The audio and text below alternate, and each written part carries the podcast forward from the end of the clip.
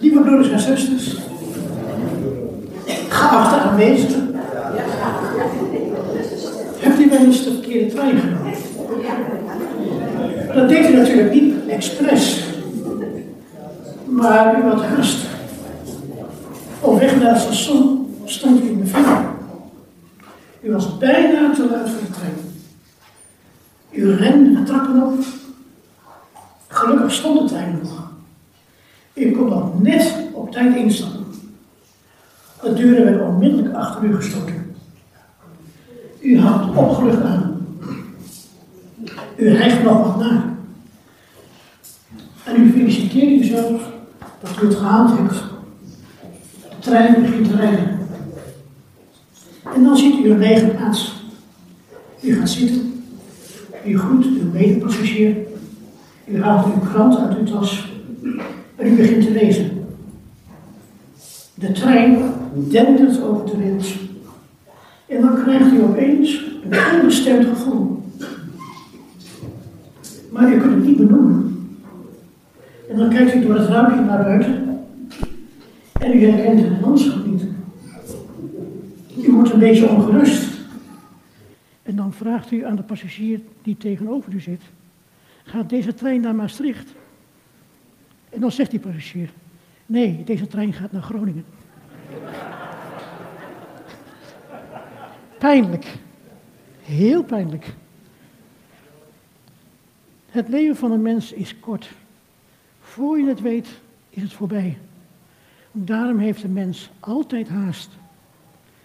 En dan bestaat de kans dat je de verkeerde trein neemt. Je komt dan wel ergens aan, ja, maar niet waar je wezen moet. Ik luister heel af en toe naar muziek. Dat doe ik om mij echt te ontspannen. Ik kijk dan op YouTube. Ik kies dan echt goede popmuziek. Daar hou ik van. Luisterliedjes. Zo kwam ik drie jaar geleden terecht bij een lied. Het heette Als er nooit meer een morgen zou zijn. Dat lied ging over als je nog maar één dag zou bestaan. Wat je dan zou doen. Ik werd geëmotioneerd. Ik kon mijn tranen niet bedwingen. Ik dacht, wat zou ik dan doen als er geen morgen meer zou zijn? Als ik nog één dag zou bestaan. Ik wist het. Natuurlijk wist ik het. Ik zou nog één keer vertellen dat God de redder is van alle mensen. In de voorbereiding op deze toespraak had ik een videogesprek met mijn oudste zoon, die trouwens hier aanwezig is. Dat, en dat, in dat gesprek was hij natuurlijk benieuwd waarover ik zou spreken. Ik probeerde het hem te vertellen. Terwijl wij spraken, kon ik de urgentie van mijn onderwerp niet aan mijn zoon overbrengen.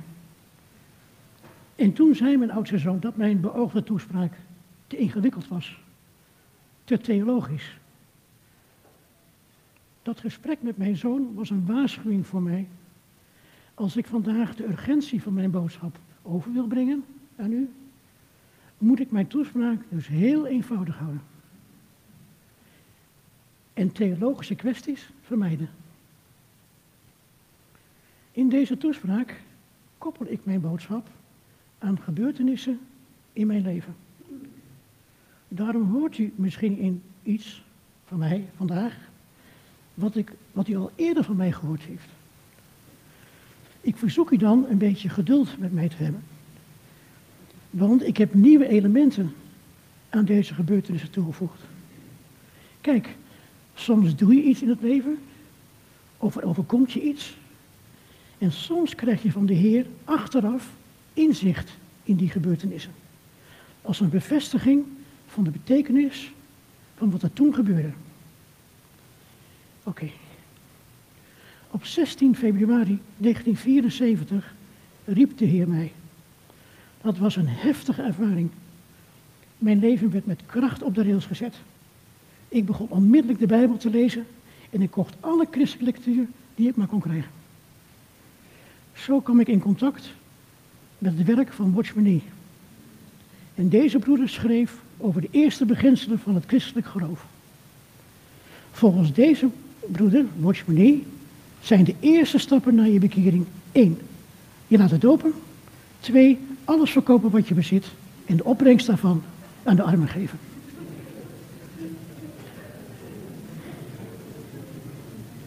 Alles verkopen? Ja, zei Watchmanie. Want in Matthäus 19, Marcus 10 en Lucas 18, drie getuigen dus, zegt de Heer tegen de rijke jongeling, verkoop alles wat je bezit en verdeel het onder de armen en je zult een schat in de hemelen hebben en kom hier, volg mij. Volgens Watchmanie is dat een duidelijke zaak. Als je niet alles verkoopt wat je bezit, dan ben je nog niet eens begonnen met de Heer te volgen. Want de Heer zegt, verkoop alles wat je bezit en kom hier, volg mij. Begrijpt u? Mijn vrouw en ik hadden voor ons trouwen ons al laten dopen. Dat was dus oké. Nu nog alles verkopen.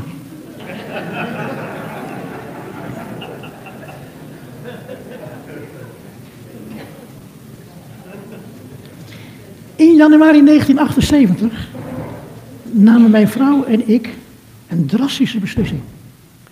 Wij verkochten alles wat wij bezaten en verdeelden het onder de armen.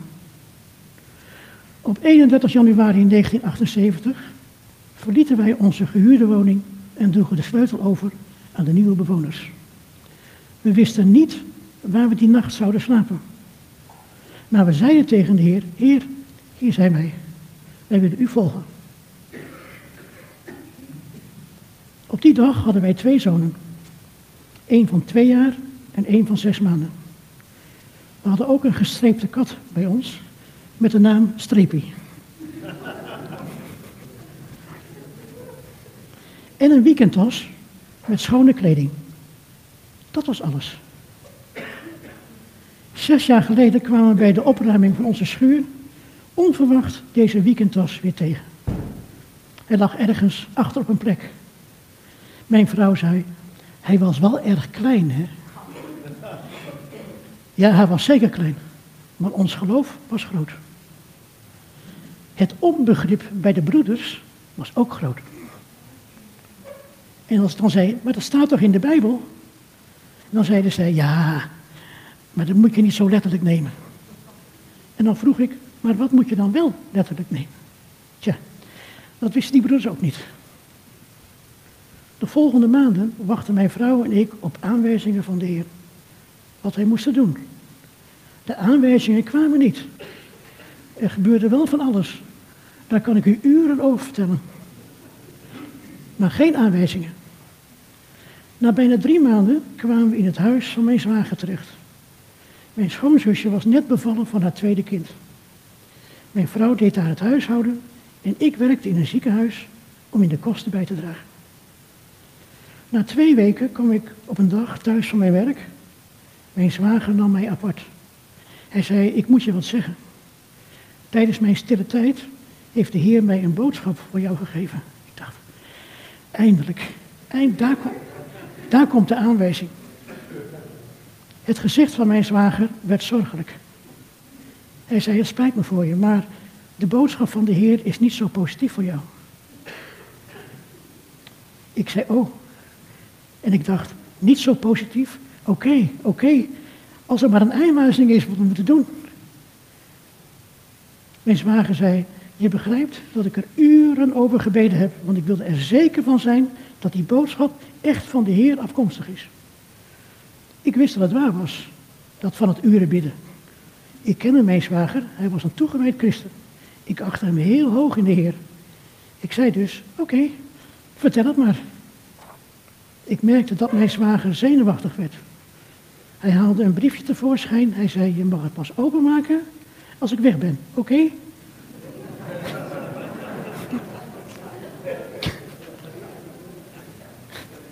Ik zei, oké. Mijn zwager gaf mij het briefje en hij maakte dat hij wegkwam. Ik deed het briefje open. Er stond één zinnetje op. Romeinen 10, vers 2. Want ik getuig van hen dat zij ijver voor God bezitten, maar zonder verstand.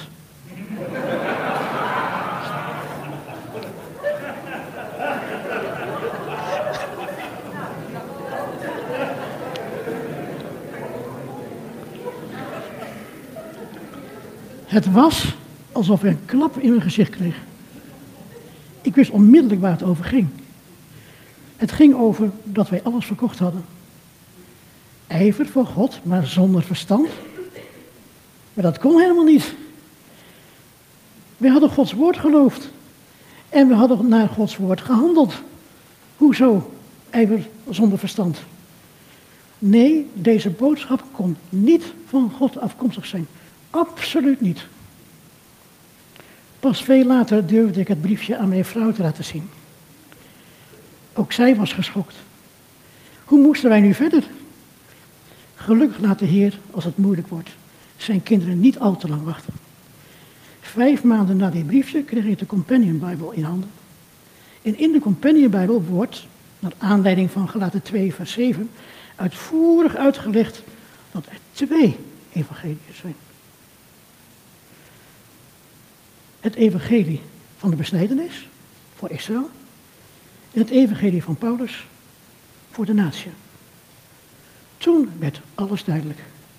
Mijn vrouw en ik hadden de Bijbel volledig verkeerd begrepen. Wij hadden inderdaad ijver voor God gehad, maar zonder verstand. Oh ja? Wat hadden we dan gedaan? Nou, wij hadden alles verkocht op basis van Matthäus 19, Marcus 10 en Lucas 18. Maar Matthäus, Marcus en Lucas is het evangelie van de besnijdenis. Zoals de Heer dat zelf zegt in Matthäus 15, ik ben slechts gezonden tot de verloren schapen van het huis Israëls. Alles wat de Heer in Matthäus, Marcus, Lucas en Johannes zegt, zegt hij tegen de verloren schapen van het huis Israëls. Het mosterdzaadje, de zaligsprekingen op de berg, het ingaan door de enge poort, het wederom geboren worden, het dopen in geest en vuur, het nieuwe verbond, de dwaze maagden die geen olie in hun lamp hebben, de rijke man en de arme Lazarus, het vuur van Gehenna en het verkopen van alles wat je bezit en de opbrengst ervan onder de armen verdelen. Het is allemaal van en voor Israël. Het boek Handelingen beschrijft de lotgevallen van het evangelie van de besnijdenis. De brief aan de Hebreeën, de naam zegt het al, is aan de besnijdenis geschreven. Ook de geschriften van Jacobus, Petrus, Johannes en Judas zijn nadrukkelijk en officieel aan de besnijdenis gericht. Als je het eenmaal weet, is het heel eenvoudig. Er zijn twee evangeliën. Eén van de besnijdenis en één van Paulus. Beide evangeliën staan naast elkaar in de Bijbel. Maar deze twee evangeliën zijn heel verschillend. En toen kwam het besef. Mijn vrouw en ik waren op het verkeerde terrein. Wij waren op het terrein van de besnijdenis. Maar we moesten eigenlijk op het terrein van Paulus zijn. Toen ik twee jaar geleden deze geschiedenis nog eens overdacht, schoot mij een gebeurtenis uit die tijd te binnen. Waar ik al meer dan 40 jaar niet aan gedacht had. Die gebeurtenis was achteraf gezien zo bijzonder dat ik haast niet kon wachten om het aan mijn vrouw te vertellen. We gingen eten, onze avondmaaltijd. We namen een glaasje wijn. We zeiden legaim op het leven tegen elkaar. En toen zei ik, weet je nog dat we alles verkocht hadden? Mijn vrouw zei, natuurlijk weet ik dat nog. Het heeft ons hele leven veranderd. Ik zei, weet je nog dat we bij, toen bij jouw zusje in huis waren? Mijn vrouw zei, ja. En dat mijn zwager aan jou dat briefje gaf, waarin stond dat wij ijver voor God hadden, maar zonder verstand. Ik zei, hij had natuurlijk wel gelijk. We moesten eigenlijk bij het evangelie van Paulus zijn, maar we zaten bij het evangelie van de besnijdenis. Mijn vrouw zei geduldig, ja, maar wat wil je nou eigenlijk zeggen? Ik zei, ik werkte toen in het ziekenhuis om in de kosten bij te dragen. Mijn vrouw zei, ja. Ik zeg, weet je nog op welke afdeling ik werkte? Mijn vrouw zei, iets met chirurgie. Ze nam nog een slokje wijn. Ik begon te lachen. Nu kwam het, nu kwam het moment. Het bijzondere moment. Mijn vrouw zei, waarom lach je? Ik zei, het drong vandaag voor het eerst tot mij door na meer dan 40 jaar. Ik begon weer te lachen. Mijn vrouw zei ongeduldig, wat drong tot jij door? Ik zei, ik werkte inderdaad op chirurgie, maar ik werkte daar op een speciale afdeling. Mijn vrouw zei, op welke speciale afdeling dan? Ik zei, ik werkte op de besnijdenisafdeling.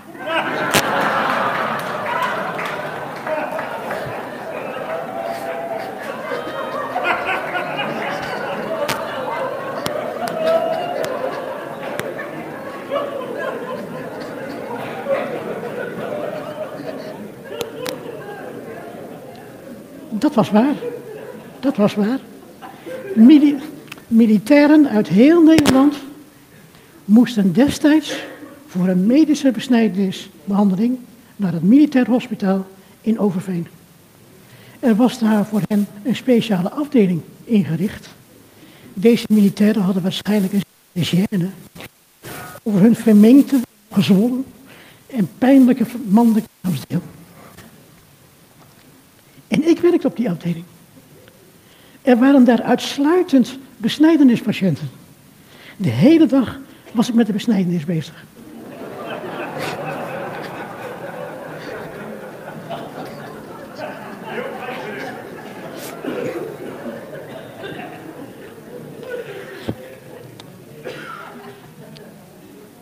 Mijn vrouw schoot in de lach. Ik lachte met haar mee. We kregen de slappe lach. En daarna werden wij stil. Wij beseften vol ontzag dat God ons leven volkomen in zijn hand heeft. En dat hij ons daar af en toe een glimpje van laat zien. Meer dan 40 jaar geleden zaten mijn vrouw en ik, geestelijk gezien, op het verkeerde terrein. Want wij waren op het besnijdenisterrein. En fysiek gezien werkte in die tijd ook op het besnijdensterrein. De Heer had dat zo geregeld. Om naar mij toe te onderstrepen dat ik op het verkeerde terrein was. Dat ik met de besnijdenis bezig was. En niet met Paulus. Om daar achteraf, na meer dan 40 jaar, op terug te komen. Weet je nog? Je was op twee manieren op het besnijdensterrein. Hoe duidelijk wil je het hebben? In september 2019 publiceerde André Piet een blog onder de titel Indeling van het Nieuwe Testament, het ABC. En in dat blog zegt André, bijna heel het Nieuwe Testament is een Israëlitische aangelegenheid. Alleen Paulus richt zich tot de natie. Bij Paulus moeten we zijn wanneer wij Gods woord voor vandaag willen verstaan. Gods woord voor vandaag zijn dus de brief van Paulus. Alles wat daar buiten valt is natuurlijk wel belangrijk. Heel Gods woord is belangrijk. Maar wat buiten de brief van Paulus staat, is niet Gods woord voor vandaag. Er komt een moment dat Gods woord voor vandaag niet meer de brief van Paulus zullen zijn.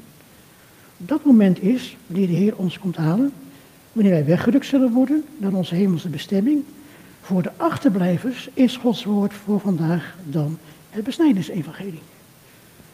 Het evangelie van het koninkrijk. Nu doet zich in de christelijke wereld een opmerkelijk feit voor. Wat voor feit?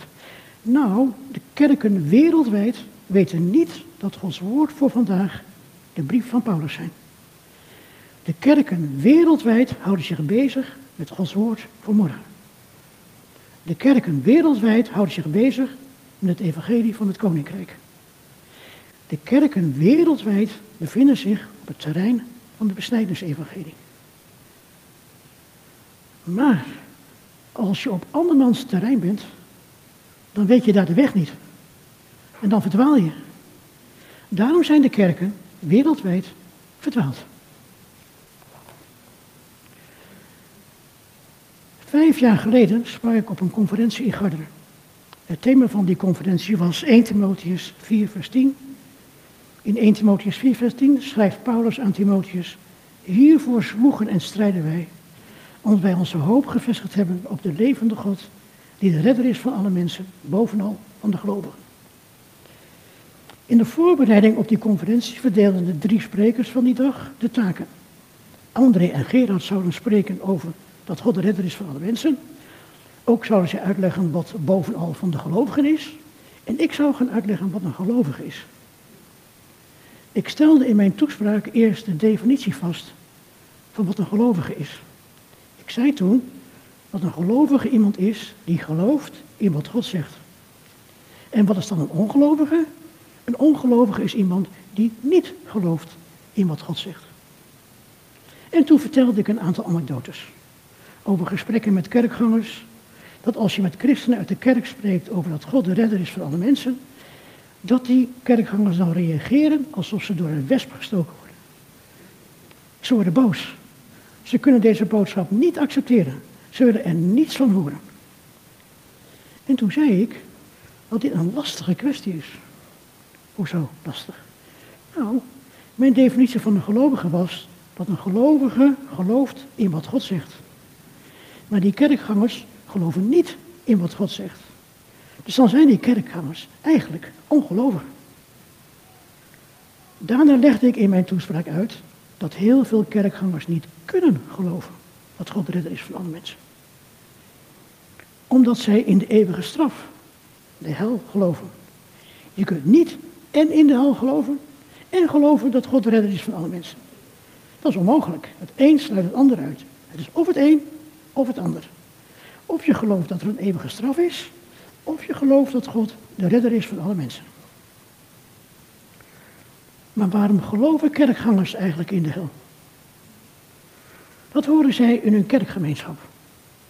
En toen vertelde ik uitgebreid in mijn toespraak dat alle kerkgenootschappen de eeuwige straf, de hel prediken. En dat de kerkgenootschappen daarmee ontkennen dat God de redder is van alle mensen. Dat de kerkgenootschappen niet geloven in wat God zegt. En toen stelde ik de vraag of de kerken dus eigenlijk vol met ongelovigen zitten. En toen zei ik, weet u, dat zou zomaar eens kunnen.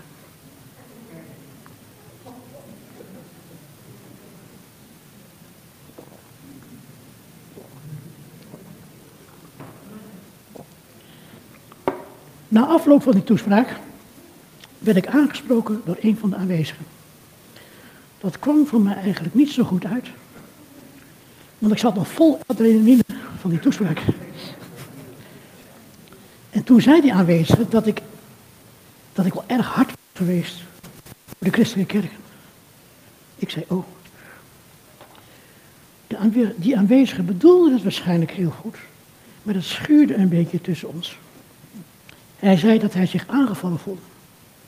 Want hij was ook een kerkmens. Ik zei, oh. En toen zei die aanwezige dat hij zich maar vasthield aan zijn eenvoudige geloof. Ik vroeg aan hem, wat is dat eenvoudige geloof van jou? En toen zei die aanwezige dat hij geloofde dat Christus voor zijn zonde gestorven is. Die aanwezige liep weg en de conferentie ging door. Maar toen die aanwezige dat zei, registreerde mijn geest dat er iets niet klopte. Zoals ik zei, hij ging weg, de conferentie ging door. En na de conferentie ging ik met een klein gezelschap uit eten. En ik vergat die conversatie met die aanwezigen. Maar midden in de nacht, na die toespraak, werd ik plotseling wakker. Ik dacht onmiddellijk aan het gesprek met die aanwezigen. En mijn onbehagelijke gevoel daarover. En toen wist ik het. Die aanwezige had de uitspraak van Paulus in 1 Korinther 15 verkeerd geciteerd. Christus is niet voor zijn zonde gestorven, maar voor onze zonde. U zegt nu misschien dat is toch hetzelfde. Als Christus voor onze zonde gestorven is, dan is het ook automatisch voor zijn zonde gestorven. En dan zeg ik, absoluut. Maar andersom geldt dat niet. U zegt, wat bedoel je?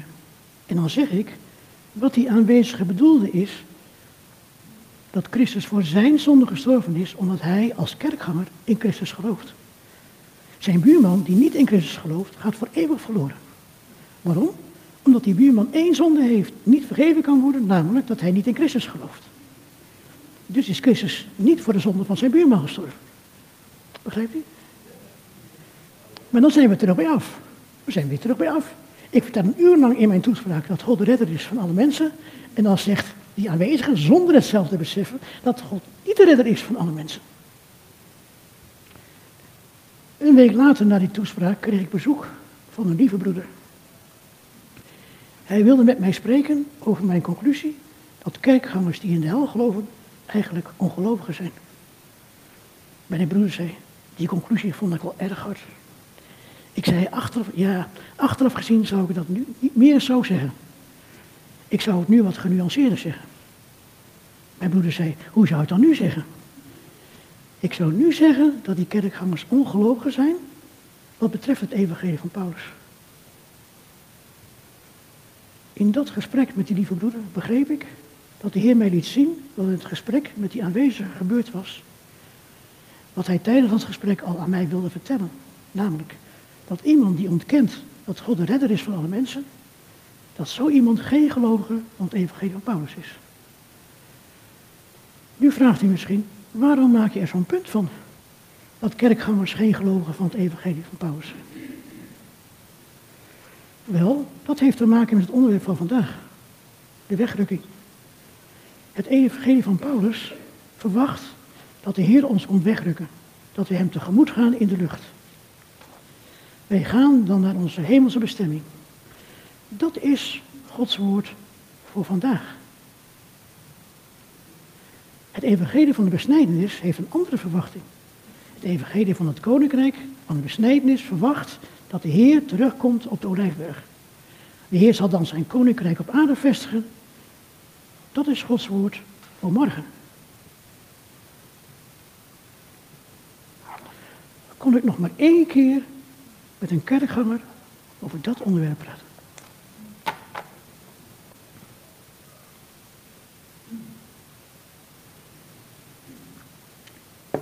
En dan zie ik jou staan op het kerkplein. Je staat in een groepje kerkgangers. Wat na te praten over de kerkdienst. En dan maak jij je los uit het groepje kerkgangers. Je loopt op mij toe en dan zeg je tegen mij, ik wil graag met jou praten. Ik zeg, en ik wil heel graag met jou praten. Ja, zeg je, ik zag je vanmorgen in de kerk. Jij kon tijdens de slotzang je tranen niet meer bedwingen. Vertel me waarom.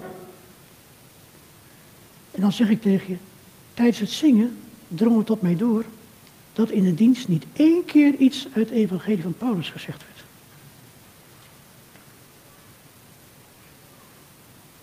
Je bent verbaasd. Je zegt iets uit het evangelie van Paulus. Wat bedoel je? En dan zeg ik, weet je, in zijn brieven spreekt Paulus over mijn evangelie. En dan zeg je, wat bedoel je? Er is toch maar één evangelie. En dan zeg ik, dat is nou juist het misverstand. Er zijn twee evangelieën. Eén van de besnijdenis voor Israël en één van Paulus voor de natie. En dan aarzel je even en dan zeg je, dat is nieuw voor mij. Ja, zeg ik, dat weet ik. Dat wordt in de kerken niet verteld. En dan zwijgen we even en dan zeg je, goed, er is volgens jou dus een evangelie van Paulus. Dan zeg ik ja. En Paulus zegt dat wij door dat evangelie behouden zullen worden. Tenminste, als wij het zo vasthouden zoals hij dat aan ons overgeleverd heeft. En dan zeg je, dat is nogal wat, wat je daar zegt. Ik bedoel, dat wij door dat evangelie, het evangelie van Paulus, behouden zullen worden. Ik zeg, inderdaad. En dan zeg je, goed, dat parkeer ik even. Ga verder. Ik denk even na. Hoe zal ik dit aan die lieve keuken gaan vertellen? En dan zeg ik, mag ik je een verhaal vertellen? Jij zegt, ga je gang. En dan vertel ik het verhaal van de verkeerde trein. Jij, lieve kerkganger, wacht. Je zegt, pijnlijk. Ik zeg, heel pijnlijk. En dan lachen we samen. En dan zeg je, goed verhaal. Maar wat wil je nu eigenlijk zeggen? En dan vertel ik aan jou de geschiedenis van mijn vrouw en mij. Dat wij meer dan 40 jaar geleden alles verkocht hadden. Om de Heer te volgen. En dat de Heer ons toen liet zien dat wij op het verkeerde terrein waren. Dat wij op het terrein van de besnijdersevangelie waren. Maar dat wij eigenlijk op het terrein van het evangelie van Paulus moesten zijn. Je oké, bijzonder verhaal. Maar wat wil je nou eigenlijk tegen me zeggen? Ik zeg, wie het echt weet. Ja, zeg jij, natuurlijk wil ik het echt weten. Dan zeg ik, oké, ik ga proberen het heel voorzichtig tegen je te zeggen. Jij zegt, je hoeft niet zo voorzichtig met mij te zijn hoor, ik kan wel tegen een stootje. Ik zeg, oké, daar gaan we dan. Je weet dat de christelijke kerk leert dat Christus zal wederkomen. Om te oordelen de leven en de doden. Zoals de geloofsbelijdenis van Nicea dat zegt. Deze wederkomst van Christus zal plaatsvinden op de Olijfberg in Jeruzalem.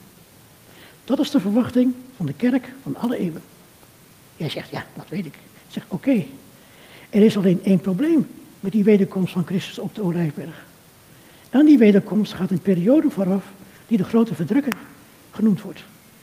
Gelovigen die deze wederkomst op de Olijfberg verwachten, gaan dus eerst door die grote verdrukking. Dat is de verwachting van het besnijdersevangelie. Maar het evangelie van Paulus heeft een andere, eerdere verwachting. Voordat Christus op de Olijfberg wederkomt, vindt er een eerdere, verborgen wederkomst plaats, nog voor de grote verdrukking. Het evangelie van Paulus verwacht dat de Heer de gelovigen komt halen, dat de gelovigen hem tegemoet zullen gaan in de lucht. Zij gaan dan naar hun hemelse bestemming. Ja, zeg je, daar heb ik wel eens over gehoord. Dat noemen ze de opname. Ik zeg ja, beter gezegd, de wegrukking. En daar wil ik eigenlijk iets over zeggen. Jij zegt, vertel. Ik zeg, je zou een heel eenvoudige vraag kunnen stellen. Een vraag die ook een heel eenvoudig antwoord verdient.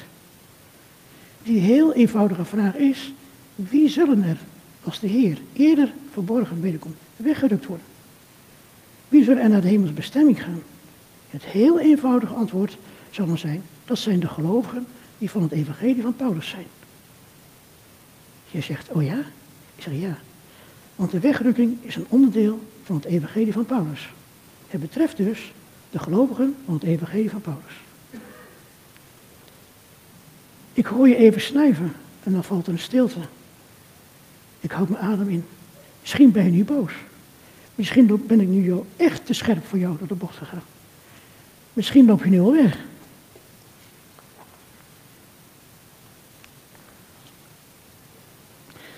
Dan hoor ik jou diep zuchten. Ik kan nagaan hoe belangrijk het is, want ik heb iets. Uh, moet ik even pakken. Ja.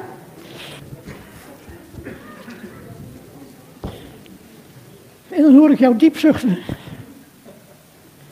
En dan zeg je, als ik jou dus goed begrijp, dan zeg je dus eigenlijk dat de christenen die niet van het evangelie van Paulus zijn, door de grote verdrukking zullen gaan.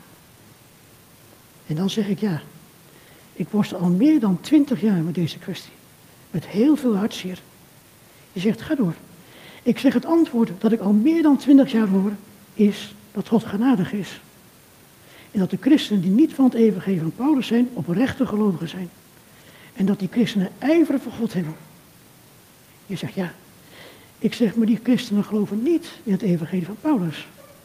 Je zegt, oh nee? Ik zeg nee. Die christenen geloven dat niet-christenen voor eeuwig naar de hel gaan. Die knikt, die zegt, ga verder.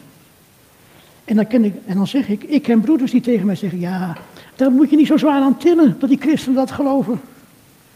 En dan zeg ik, oh nee? En dan zeggen die broeders, nee joh, die christenen zijn gewoon onwetend.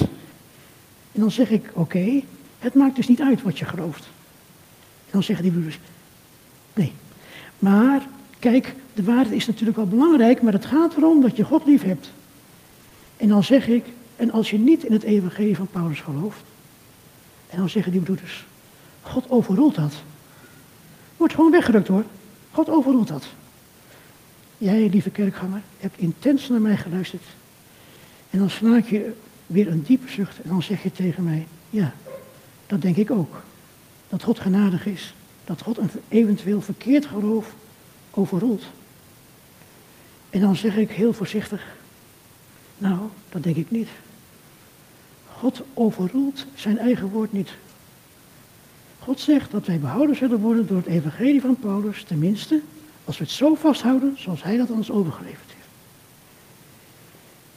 Jij zegt zacht, ga verder. Ik zeg, weet je, de christenen die het evangelie van Paulus niet volgen, worden niet weggerukt. Maar ze gaan door de grote verdrukking en ze zullen een plaats krijgen in het koninkrijk op aarde, tenminste, als zij trouw blijven tot het einde. En dan zeg je tegen mij, waarom vertel je mij dit? En dan zeg ik, de Heer heeft meer dan 40 jaar geleden mijn vrouw en mij van het terrein van de besnijdensevangelie gehaald. En hij heeft ons heel krachtig op het terrein van het evangelie van Paulus geplaatst. Dus ben ik nu de aangewezen persoon om aan jou te vertellen dat als jij niet op het terrein van Paulus bent, dat je dan op het verkeerde terrein bent. Het is even stil en dan zeg je tegen mij, ik begrijp het. Ik knik zwijgend. En jij zegt, ik begrijp nu ook waarom jij vanmorgen in de kerk zo moest huilen. En dan slaat de kerkklok twaalf slagen. En dan zeg je tegen mij, ik moet weg. Ik ben al laat voor de koffie. Ik zeg, ja. Je zegt bedankt voor het gesprek. En ik zie jou, lieve kerkganger, weglopen. Een beetje verloren. En dan kan ik mijn tranen niet meer bedwingen. Als er, nooit meer een morgen zou zijn. Als ik nog maar één dag zou bestaan. Dan wil ik, lieve kerkganger, nog één keer aan jou het evangelie van Paulus vertellen. Dat God de redder is van alle mensen. Maar misschien wil jij, lieve kerk, er helemaal niks van weten. Dat God de redder is van alle mensen. Want jouw kerk zegt dat dit een verderfelijke dwaalleer is. En misschien zeg je dan wel tegen mij, hé hey joh, laat mij nou met rust. Laat mij maar gewoon naar de kerk gaan, oké? En dan zeg ik, oké. En dan laat ik je gaan. Met vrede in mijn hart. Want ik weet dat God de redder is van alle mensen. Ik heb nog een PS.